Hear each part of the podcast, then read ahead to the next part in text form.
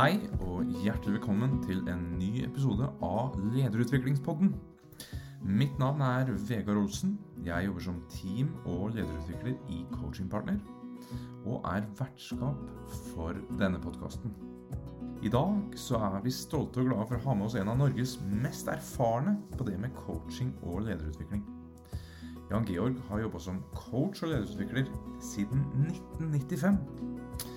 Han har vært eh, lærer i mange av disse årene i eh, coaching hos Eriksson Coaching, hvor han også er daglig leder den dag i dag. Og han har bl.a. jobba som eh, leder og teamcoach for toppledelsen i mange av de offentlige skolene i Oslo, og for akademikere innen finans, bank og IT. Han har skrevet bøker om coaching, profesjonelle dialoger i coaching og coaching i skolen. Og Jan Georg han var den første i Norge som fikk den internasjonale sertifiseringen Master Certified Coach. Så vi gleder oss veldig til å høre hva Jan Georg har å dele med oss når det gjelder team- og lederutvikling. Hva er eh, trender han ser? Hva er eh, det han ser har størst effekt? Hva er tips eller anbefalinger han kan dele med oss? Eventuelt historier og eksempler. Så hjertelig velkommen til Lederutviklingspodden.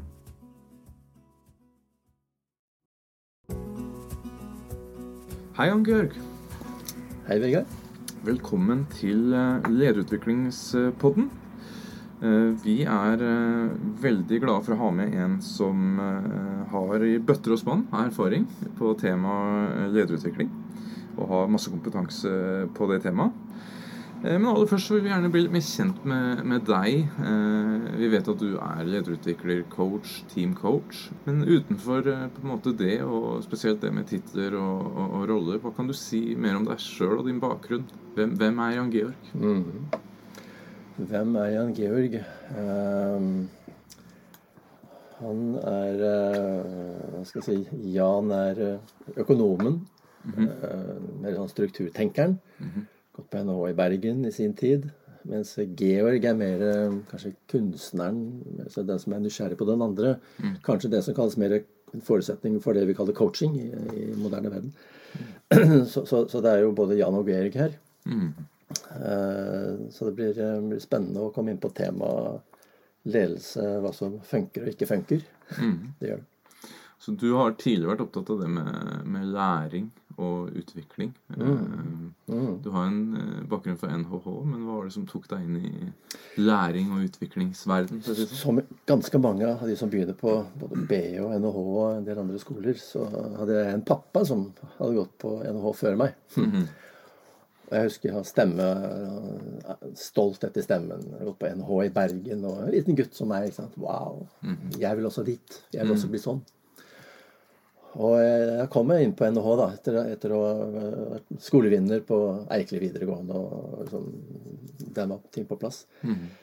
Så begynte energien å tøyse med meg. Jeg fikk eh, laveste ståkarakter i et par fag. Strøk i matte for første gang, strøk i matte for annen gang. Inn og ut av studieveileders kontor. Jeg husker da, da, da studieveileder Pettersen sa 'Hei, Algerik, hva kan jeg gjøre for deg?' Tenkte jeg først 'Å, så fint, han kan navnet mitt'. På den annen side det var vel 3000 studenter, og han husker fornavnet mitt. Hvor godt altså, karrieretegn er det, egentlig. Så, så, så jeg begynte ganske tidlig å interessere meg for eh, studieteknikker og lære å lære. Ja, for jeg trengte det. Lederutvikling. Nå var det du først begynte å jobbe med spesifikt ledere i forhold til å hjelpe dem å utvikle seg. Ja. Nå, jobbet jeg eh, først i eh, hotell- og restaurantbransjen, og så begynte jeg å jobbe for Bennett reisebyrå. Og mm, mens jeg para parallelt som hobby holdt lære- og lærekurs eh, sånn på siden. Folkeuniversitetet og sånn. Og i Bennett så fikk jeg låne møterommet eh, nede på eh, Rosenkrantz-gata. Hvor hovedkontoret var. Og da fikk jeg på ettermiddag låne Det var stort sett BI-studenter. Med lese- og skrivevansker, eh, utfordringer og coaching. Um, så hadde jeg hatt en student, B-student eh, noen ganger, og så spurte han du, Jeg prata med pappaen min, og han har vært litt sykemeldt og sånn. og Han driver, driver for seg selv. Og han lurer på om kunne dette være noe for han. Mm. Ja, tror jeg bare si et par stikkord til. Ja, det er gjerne. Be han ringe. Så ringte pappaen til den studenten. Og han kom uken etter. Eh, Det var første bedriftskunden jeg hadde. Mm. Så, så, eller led, lederkunde, Ja. ikke, en, ikke en studentkunde, egentlig. Så, så, eh, så jeg fant ut at det er jo veldig mye det samme dreier seg om. Det er bare en annen output. Ja. Det er en annen output. Og så er det selvfølgelig et annet språk. Eh, men det er det samme menneske. Det er samme hodehjerne, hjertehjerne, magehjerne som man har funnet ut eh, er i operasjon her. Og på den tiden, og jeg tror det her var eh, Når kan dette ha vært, da? 1990 kanskje, eller noe sånt noe. Sirkus, et eller annet. Eh, Jeg husker ikke helt. Men i hvert fall så trodde man jo at beslutningssenteret i mennesket var hodehjernen. Det, det er beslutningen. Og så må, må, må kroppen skjerpe seg. Ja. Og så har det vist at det, det, hvis kroppen ikke vil, så sier hjernen Den utsetter. Kroppen er ekspert på å utsette. Og nå, nå har jo senere så har jo behavioral sciences, eller atferdsvitenskap, dokumentert at det er altså Beslutningssentrene ligger i hjertehjerne og magehjerne. Det ligger ikke i hodet. Mm. Og, og mm, nå har jeg forsket, eller både forsket på det, men jeg har også studert en del på dette her helt i det siste. Og samarbeider jeg med en, en professor, eh, en hollandsk professor ved Universitetet i Madrid, som er innenfor neuroscience. Og for så vidt, han er traumespesialist. Det er liksom hans felt. Jeg har coaching som spesialfelt. Og, og det, det det viser seg jo, det er altså at vi har en hodehjerne, hjertehjerne og magehjerne. Akkurat som studenten hadde, og pappaen til den studenten hadde. Mm. Eh, og jeg som strøk på NHH da jeg begynte. Ikke sant? Eh, så det er noe som altså finter ut hodet mitt. Eh, og Mm. Så, så, så, så er fall neuroscience har de siste årene vist at eh, beslutningstakere ligger i kropp. Og det fòrer hodet. Det er ikke hodet som sier at kroppen skal skjerpe seg. Så utrolig spennende. Så vi har, vi har mer enn én hjerne. Eh, Vi har i hvert fall tre. Ja, gjerne det. Ja. Og, eh, hmm, og, og, og, var man mer på en måte på hodet eh, først og fremst eh, tidligere, eller? Og har, har blitt Det- mer opptatt av å jobbe i Lytte på kroppen, lytte på magen Ja. etter hvert, eller? Ja, jeg, jeg var på en uh, atferdsvitenskapelig konferanse på Grang. Og det er kanskje fem år siden nå. Mm. Altså, legget til tre pandemiår. Blir lenger her. Og der var det en, en foredragsholder som sa at hans eh, bror han hadde nylig fått eh, nobelprisen i neuroscience Mm. for funn innenfor dette. Og selv så var han eh, eh, hjerneforsker. Og sa at eh, altså For å gjøre det for enkelt for dere, sa han, så er det 500 mennesker i speilsalen der. Så sa han at eh, mennesket er som en elefantrytter på en elefant. Hodehjernen, hodet, det er som elefantrytteren som sier 'gå dit'. Nei, nå skal du gå dit. Og så må elefanten gjøre det. Men det gjør elefanten bare hvis elefanten er trygg. Mm. Vi snakker hjertehjerne og magehjerne her. Mm. Ellers så utsetter de systemene. Og eh, så sa det at dere kan, jo tvile på statistikk på bedrifter, hvor mye av tiltak på lederutvikling som bare ender ut i sanden, og, og, og etterlater frustrasjon og kanskje en motvilje mot nå enda mer lederutvikling. Nei, eh, ikke sant. Jeg har jo den innboksen. Landreise eller sånt noe. Så sa han at eh, noen har kanskje hørt om undersøkelser på 10 000 bypass-pasienter. Han hadde selv vært med som forskningsbidragsyter på den. Mhm. Hvor alle de 10 000 de lovet å legge om livsstilen sin. For det, altså det bypass var særlig før veldig dyr operasjon. Lover å spise mindre, eller spise bedre, drikke mindre, røyke mindre, trene mye mer. altså Alt, alt det jeg lover og lover og lover. For kona, familie og kirurgen og seg selv, selvfølgelig. Ja. Så fikk disse 10 000 bypass-operasjon. Så gikk det to og et halvt år. Og da regner man at etter to og et halvt år så er det gått lang nok tid til at liksom, begeistringen er gått over. Uh, Denne hverdagen har for lengst trådt til. Og så undersøkte de hvor mange av disse hadde faktisk i vesentlig grad røyke mindre, drikke mindre, trene mer, spise bedre og, og livsstil i det hele tatt. Så så han ut på forsamlingen. Vil noen gjette? Og nå har jeg bare, jeg var der foran meg, Vegard. Hvis du ikke har hørt den undersøkelsen, hvilket tall ville du foreslå?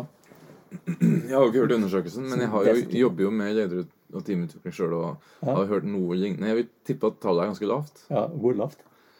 Veldig lavt, vil jeg tippe. Okay, jeg, vil, jeg vil tippe, nå, nå kan du som sagt lese litt om blant annet eh, noe som heter immunity to change, som kanskje er litt i samme gata. Ja, tror jeg. Ehm, 10 Han sa 10 Mm. Ja, 10% Og det betyr at 90% de veit jo at selv om alternativet er å daue, altså de veit jo det i hodet, så nekter kroppen å legge om vanen. Mm, ja. Og ledeutvikling, er ikke det vaneendring eller? Mm. Eh, studieteknikk, gå tilbake til min, min, min, min eh, ungdoms- eller tenåringsflamme på det her. Studieteknikk, er ikke det vaneendringer? eller? Altså, doble lesehastigheten, er ikke det vaneendringer? Ja. Altså, innstilling til skole i det hele tatt, er ikke det vaneendring? Og så er det lederutvikling, og det er jo kommunikasjon, og det her på en måte vite hva du vil, og ha flammen, og, og ikke minst svar på spørsmålet Kan man utvikle seg som leder? Og jeg hørte du stilte det spørsmålet i innledningen. Jeg bare merket meg Det er et lukket spørsmål. Ja. Det er altså et ja-nei-spørsmål. Og når jeg er coach, jeg er ikke nybegynner på coaching, og jeg vet at alle som har et lukket spørsmål, har selv et forslag til svar. Men det er mulig du refererte til hva enkelte skeptikere, eller slitne lederutviklingsmottakere, syns. Det var nok det. For de kan ta vel så gjerne nei som svar enn ja som svar. Men nå hadde du den neste setning 'hvordan utvikla som leder'. Så du har troen på det. Um, så, så, og dette her henger veldig, veldig godt sammen. Veldig godt sammen. Utrolig spennende. Og, og og, hvordan har du sett din, både kanskje din egen utvikling og utvikling i om vi skal kalle det for lederutviklingsfaget eller profesjonen da, gjennom, gjennom eh, de siste eh, 25 åra, da, eller mm. fra, fra midten av 90-tallet, som du nevner. Jobber man nå mer med da hjerte- og magehjernen eller med kroppen eh, i lederutvikling? Altså, Nå har jeg for det første småstein og sitter i klassehus.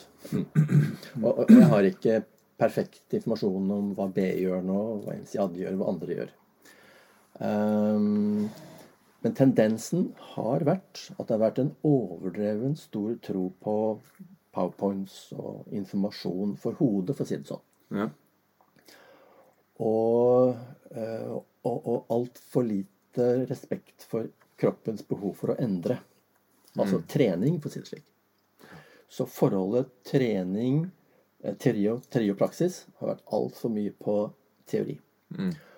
Og eh, hvis jeg så skal dreie fokuset over til altså, mitt fag, da, som er et, eh, mitt utskjelte fag, som er coach, coachingfaget, eh, som jo egentlig har svevet inn i alt som heter lederutvikling og salg og undervisning. Altså det, har, det har spredd seg veldig, veldig. Så, eh, så ser vi at når man har måter å anerkjenne signalene fra hjertehjerne og magehjerne Nå ble jeg litt teknisk her. Um, Jo, men for, når, når man vet å, å høre på sine signaler, slik at hodehjernen får inkludert det, Ja. så ikke hodehjernen bare kjører sin, sin, sin autopilot, da skjer endring. Og da må endring skje under trygge rammer. Og nå er jo ordet psykologisk trygghet vært et ord de siste fem-seks årene ganske tydelig der ute. Jeg syns fortsatt det ordet refereres veldig til at ledergruppen må ha psykologisk trygghet. Eller læreren tenker klassen må ha psykologisk trygghet for å snakke til hverandre og være, si hva de mener. Slik at de har, har snakker fra sannheten sin. Um, men hver enkelt av disse, også lederen som sier at dere må ha det, må jo selv ha det med seg selv. Og den psykologiske tryggheten der er det langt mindre språk for innenfor forskningsmiljøene, slik jeg kjenner det. Um, med forbehold om at jeg ikke er toppoppdatert på det. Um, og psykologisk trygghet på et indre plan vil det bety at hodehjernen, hjertehjernen og magehjernen er, er, eh, er eh, la oss si, omforent og lytter på hverandre. Ja. Mm. Så læreren, lederutvikleren, det er viktig at den personen har en psykologisk trygghet måte, i seg selv og for seg selv for å kunne bringe det videre og, og skape det for andre. Er det det du Veldig stor grad, ja. ja. Det kan også bety at um, det viser seg at den som har Eller for, for å ta litt rann, uh, Hodehjernens spesialitet, akkurat som elefanten på elefanten, elefantrytteren på elefanten, er å se retning. Visualisere, se rundt hjørner. Det er det hodet er hovedjobb. Mm. Og det er en av de viktigste jobbene til lederne. Som skal være enda mer la oss si, oppegående enn sine medarbeidere, som tjener litt mindre penger. Så liksom de er betalt for å ligge foran på dette. Så har denne lederen som ser rundt hjørner, eh, den har en hjertehjerne på ca. 100 millioner nerveceller. Og den har ikke et ordminne, men det har et minne. Altså hodet har et ordminne. Eh, hjertet, hjernen, har ikke ordminne, mener man, men den har et minne. Mm. Og det er særlig spesialiteten for hjertehjernen er særlig teamet, eh, gruppen, eh, mor, mm. barna, familien. Og det merker du når, når en ung mor for første gang må liksom si ha det til babyen. liksom, det knytter seg rundt hjertet omtrent. Liksom. Så de, de, vet veldig godt hva det er. Det var altså hodehjerne, hjertehjerne. Så har vi en magehjerne, og den er på ca. 500 millioner eh, nerveceller. Det er omtrent like mange nerveceller som hunden din har. Du, har altså, du går altså rundt med en hundehjerne i magen, for å si det uh, røft. da. Um, og den er særlig jeget. Overlevelse. Uh, det er, det er um, ambisjon, overlevelse og, og, og gjennomslagskraft. Å kunne gå gjennom dører, omtrent. Eh, sagt at vi trenger Og, den har jo heller ikke ordminne, men den har et minne. Så du husker jo du husker jo um, uh, smaken, duften av yndlingsretten din. Eller du husker lukten av hunden når den kommer våt inn uh, i en døra. alt det ligger, det ligger her. Mm. Og det fòrer opp til beslutninger i hodet. Og så er det det som ganske nylig man har funnet, det er For det, det at du har en hundehjerne i magen, det har man visst i 30 år omtrent, tror jeg. Det, -hmm. det har vi visst, visst, lenge. Men det er sammenhengen med det. Og hvor aktivt det faktisk er. Du har, du har altså eh, hjertehjernen som Og magehjernen eh, som, som, eh, som, er beslutningstakere. Og det man har funnet ut, det er at rett før hodehjernen altså visualiserer, ser noe, så kommer det et signal fra hjertet. Det er, det er ikke omvendt. Det er hjertet gir signal, hodet responderer. Eller eh, hodehjernen responderer. Mm -hmm. Så at man nå mener at beslutningstaker ligger i kropp, og ikke i hodet. Ja. Det er ganske revolusjonerende. Det snur ganske mange ting på hodet. Kan forklare hvorfor veldig mye lederutvikling har rent ut i sanden. Og nå siterer jeg kunder av meg ja. som, som, eh, som, som, lederen deres må krangle dem inn på seminar. Fordi nei, jeg har jobbet her i 30 år, så skal jeg kaste bort enda mer tid, liksom. Ja. Så alle de programmene Og her tror jeg også eh, altså Nå representerer jeg en liten organisasjon, en midtliten skole. Universitetene og høyskolene har jo store systemer som tror jeg langt er veldig trege på, på å anerkjenne eller å overføre fra teori til praksis. Eh, hva det betyr at sjefen for å lykkes for endringer ligger under snippen og ikke over snippen. Mm. Så, eh, så, anerkjennelse av det, det tror jeg er viktig. Og coachingfaget, selv om uansett hvor kritisert den er for å ikke være akademisk fundert nok, den har i hvert fall ligget foran som sånn blodhunder på ny forskning.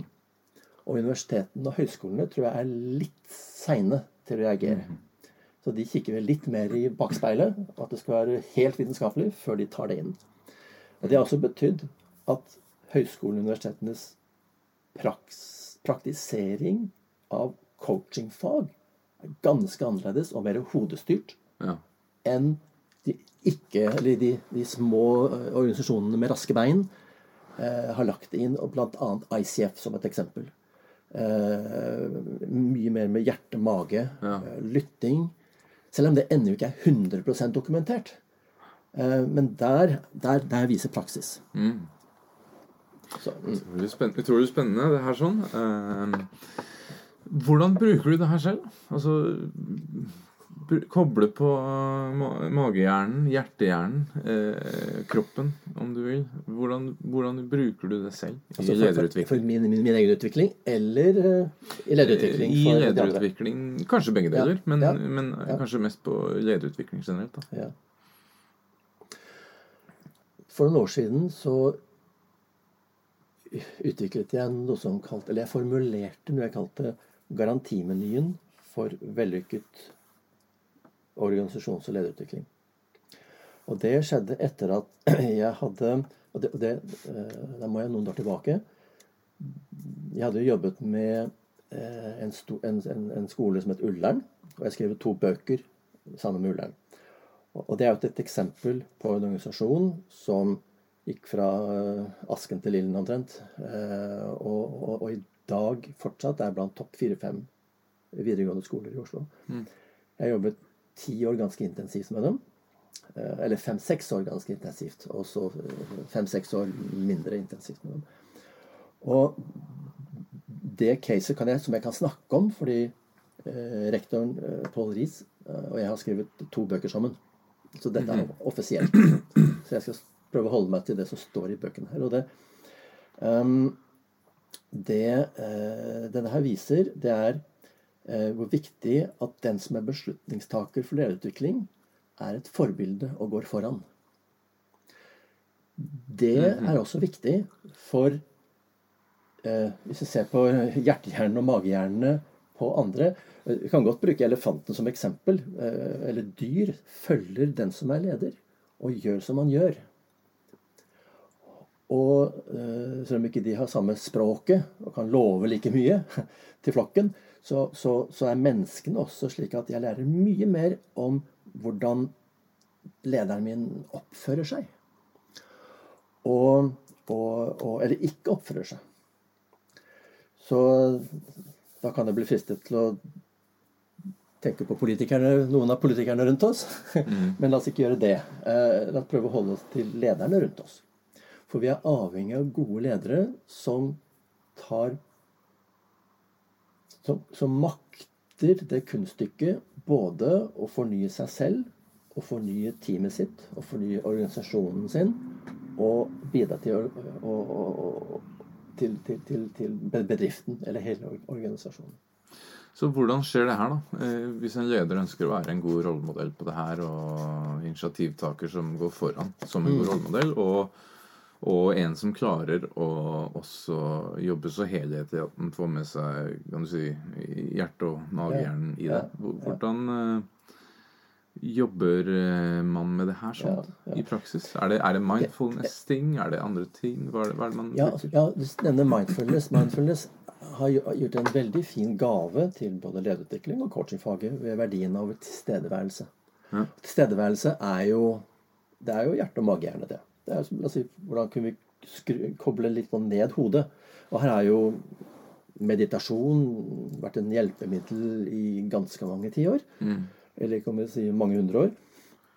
Um, hvis vi ser på, på hva, hva, hva som faktisk kan gjøres um, For um, eh, noen år etter at jeg hadde jobbet med, med Ullern, så hadde Eriksson en sånn fireårs eh, rammeavtale med Utdanningsteatret i Oslo.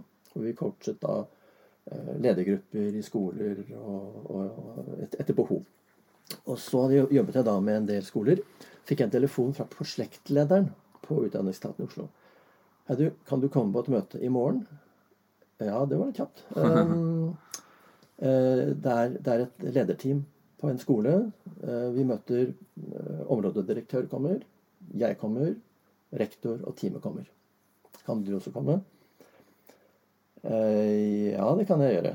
Så, så, så jeg, tok jeg med meg min styreleder, for jeg tenkte hva er det de skal egentlig snakke om her?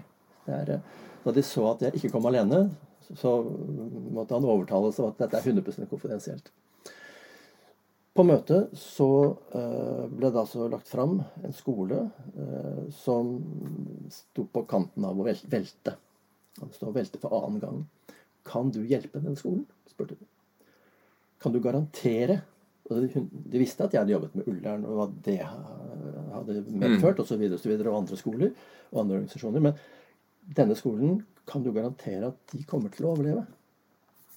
Jeg er altså ICF-coach. ICF-coaching garanterer ikke. Jeg vet veldig godt, det er jeg med flaskemelken her, at hvis, hvis, du er min kunde og jeg sier jeg garanterer resultater, så kan nok noe ved deg legge bena på bordet og kan heller utløse garantien. Ja. Ikke sant? Hva slags jobb får jeg da? Ja. Du blir sittende med ansvaret plutselig? Her. Plutselig sittende med ansvaret. Ja, og, det, og, det, og, det, er jo Vi snakket om nettopp veldig mye av lederutvikling er rent ut i sanden. Så, så intensivordningene må, må, være på plass her. Og så sa jeg at um, La meg tenke over det. For jeg, jeg, kan ikke garantere, men jeg kan si litt om grad av sannsynlighet at det kommer til å lykkes. Ok. nå kan jeg få det, sa de. Uh, I morgen. Når i morgen? Klokka tolv. Greit. Jeg skjønte at dette var hastverk. Det, det brenner. Ja. Og, og, de vil ikke ha skandalen med at en skole velter. En skole av, av sånn betydning. Da satt jeg og skrev og tenkte hva er det som har fått Ullern til å fungere? Jo, det er det er for det første Altså, jeg har coachet vedkommende, men det, det er en startprosess, det.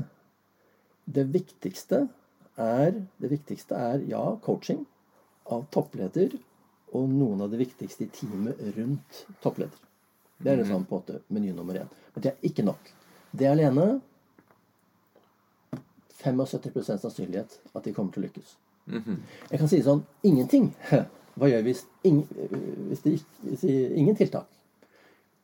Ja, at det skjer et mirakel av seg selv. I hvert fall 20-30-40-50% sannsynlighet at de får opp når de holder på å bli borte. At da mobiliserer de.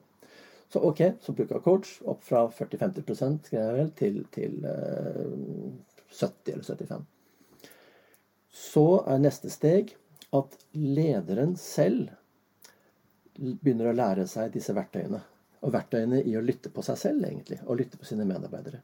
Og denne organisasjonen her, de fulgte den menyen, faktisk.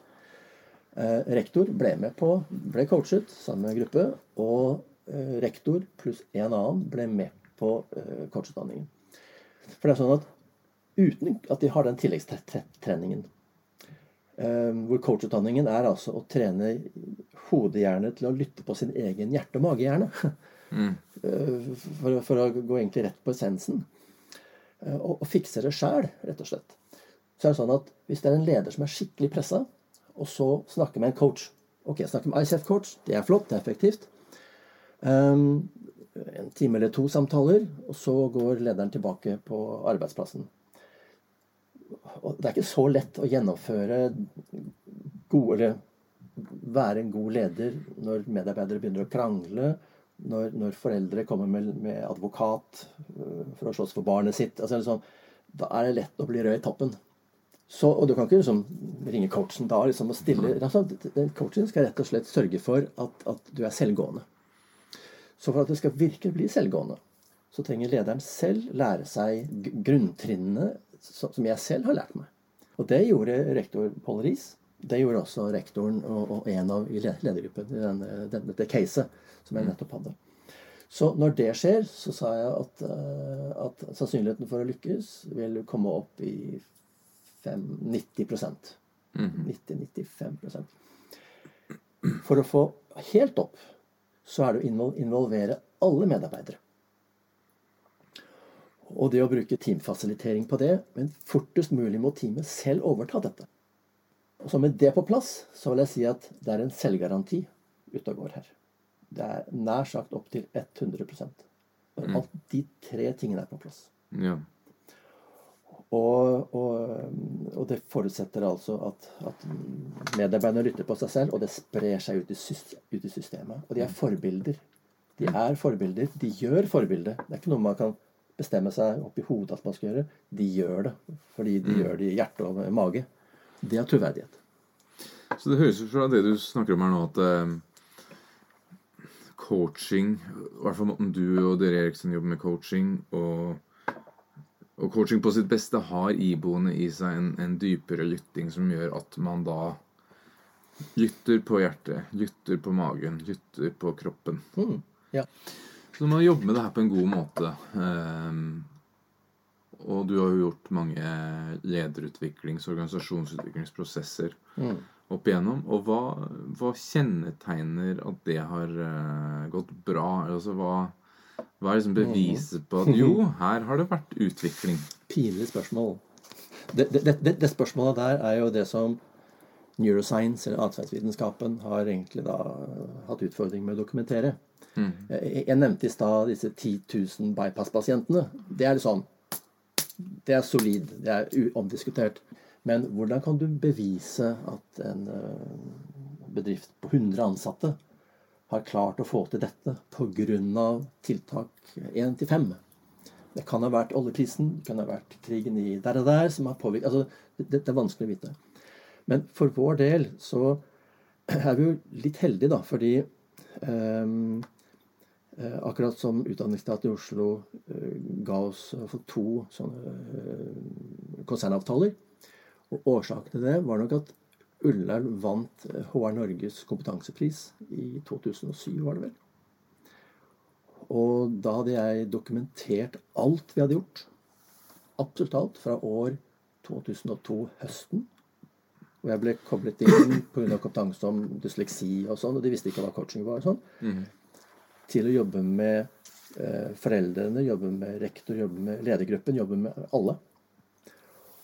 Og da de søkte, så ble, ble Ullern eh, nasjonal demonstrasjonsskole. Det ble det i 2005. Mm. Um, og, og, og, HR Norgespris fikk de vel i 2007. Og det året trodde alle at, at det norske vinmonopolet skulle ha vunnet. For de hadde, de hadde, klart en fantastisk turnaround. Men det var Ullern som vant. Mm -hmm. wow. Og det regnes coaching, jeg vil si ICF-coaching, som en nøkkel. Og det som er Det som er interessant, for meg i hvert fall, det er at Ullern og de skolene de brukte da ICF-coaching som veldig fokus på den andre. Senere år så er det høyskoler som har vunnet de anbudene. Og de tror jeg har langt større grad fokus på altså coach-fokusert coaching. Ja. Og jeg har ikke hørt så mye om coaching i, i, i, i um, Utdanningsetaten de, sen, de, senere årene. Og det kan være en veldig naturlig årsak, for det fungerer ikke på samme måte. Mm. Selv om coaching er coaching. Mm. Så, det, så når man jobber med det du kaller for ICF-coaching, og jobber med en coaching som jobber veldig helhetlig og med alle tre hjernene osv., mm. og man har gjort det på en god måte, hvordan kjenner man igjen om, Kanskje noen ganger er det vanskelig å måle det i tall og så videre, men mm. hvordan kjenner du det igjen? da? At en, at en leder har blitt uh, en bedre leder og utvikla seg som leder? Uh, jeg vil merke det på at Eh, fra samtale til samtale så kommer ikke forrige samtaletema opp igjen på ny. Det er fra samtale til samtalevis. Så, så når, et, når et tema er jobbet gjennom, så virker det som det er integrert. Det motsatte fallet ville være at opp, det samme problemet kom opp igjen etter to samtaler. Oi, hva som har skjedd da? Det er noe som er misset her. Eh, så vil jeg vite det ved at fokuspersonen eller coachee eller kunden selv kan gi kommentarer på det. Jeg spør ikke om kommentarer selv rundt det, men, men selv kommenterer.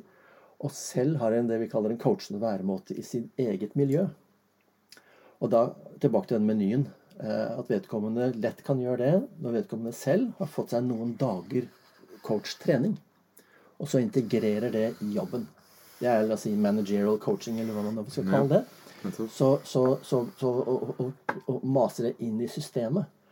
Og altså, det betyr at lederen utvikler dag for dag sin egen interne psykologiske trygghet. Hodet lytter på kropp og, og, og vokser på det. Um, og kroppen er takknemlig for det. Um, er den ikke takknemlig, så i verste fall så sykemelder den deg, for å si det sånn. Men i hvert fall, um, når dette er i på linje, lederen er på linje med seg selv og er forbilde for sitt eget team, så sprer dette her seg. Og det er jo den beste læringsstedet som fins i verden, tror jeg. Det er forbilde. Læring ved forbilder. Mm. En annen ting vi er veldig opptatt av i Lederutviklingspodden, er inspirasjon. inspirasjon. Fordi at inspirasjon, det inspirerer. og det, det er ofte noe som gjør at vi Oi, her var det noe spennende. Uh, det her har jeg lyst til å lese eller høre mer om. Så det har jeg lyst til å spørre deg, hva er det som inspirerer deg mest i din jobb? Jeg fortalte veldig kort her fra NHH-tiden læringsglede.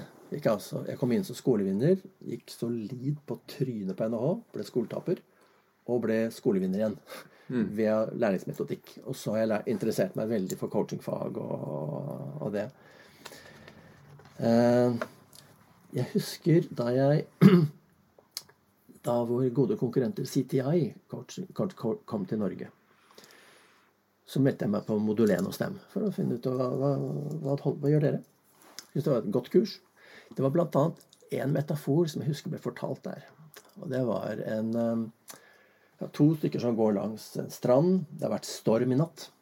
Så det er millioner av sjøstjerner er kastet opp på stranden, og solen steker. Så ser de langt der borte på odden. Det er en person som gjør noe ute ved, ved, ved, ved vann, vanngrensen. Så nærmer de seg. De ser at han hiver ut Eller den personen hiver ut, uh, hiver ut sjø, sjøstjerner. Så går de bort til han. Hva i all verden er det du holder på med? Uh, jo, jeg redder sjøstjerner. Ja, men du ser, det er jo millioner her. Det der, er, det der kan da ikke være noe, noe, noe, noe som tiss i havet, liksom. Nei, ikke for denne sjøstjernen. Plask. Ikke for denne snøstjernen. Plask. Den historien syns jeg var veldig, veldig god. Den har fulgt meg siden. Og jeg får en læringsglede. Det er sånn, og Mens jeg snakker om det nå, får jeg sånn der god kaldgysing opp gjennom ryggen min. Og, og, og, og det er på en måte opp, nesten så jeg får ståpels i hodet. Det er for meg det som driver meg. Og, og som er knyttet opp til hvorfor jeg holder på med dette. For samfunnet trenger det. De, de har behov for det. Um, og, og, og det er ikke så mye som skal til heller. Det er ofte veldig lite som skal til. Ja. Til slutt, hvis noen ønsker å ta mer kontakt med deg, da, hva er beste måten å gjøre det på? Ja, de kan gå inn på weben vår eriksson.no. Bare stav det riktig. rickson.no. Og så lete etter et av disse minikursene vi har. Vi har et på en og en halv time for de som er ute etter coachende verktøy, ledelse og samspill. I å være forbilde og gå foran. Gjerne tirsdag morgener har vi på den, fra klokka ni. Eller hvis det er mer av coachutdanning, eh, som er liksom enda mer i, i, i, å integrere det hele, så har vi minikurs mange mandager fra klokka, to, fra klokka fire til seks. Og dette er en miks av betalt og gratiskurs? kurs? Alt dette er gratis. Det er gratis. Dette er gratis. Da, da de, da, dette er folkeopplysning. Ja. Og, og, vi demonstrerer. Mm. Vi demonstrerer og går så fort inn i praksis som mulig. Så bra. Så vi kaster bort tiden til folk. Så bra at dere gjør det. Og jeg vil bare si ja, Jørg, tusen mm. takk for praten og for at du deler av mange, mange års erfaring mm. og masse inspirerende eksempler og vi har vært både innom metodikk og, og praktiske ting her. Mm. Så, så, tusen takk for praten. Takk skal du ha. Takk for at du hjelper meg å hive ut sjøstjerner her og der. Så bra. Bare hyggelig. Ja.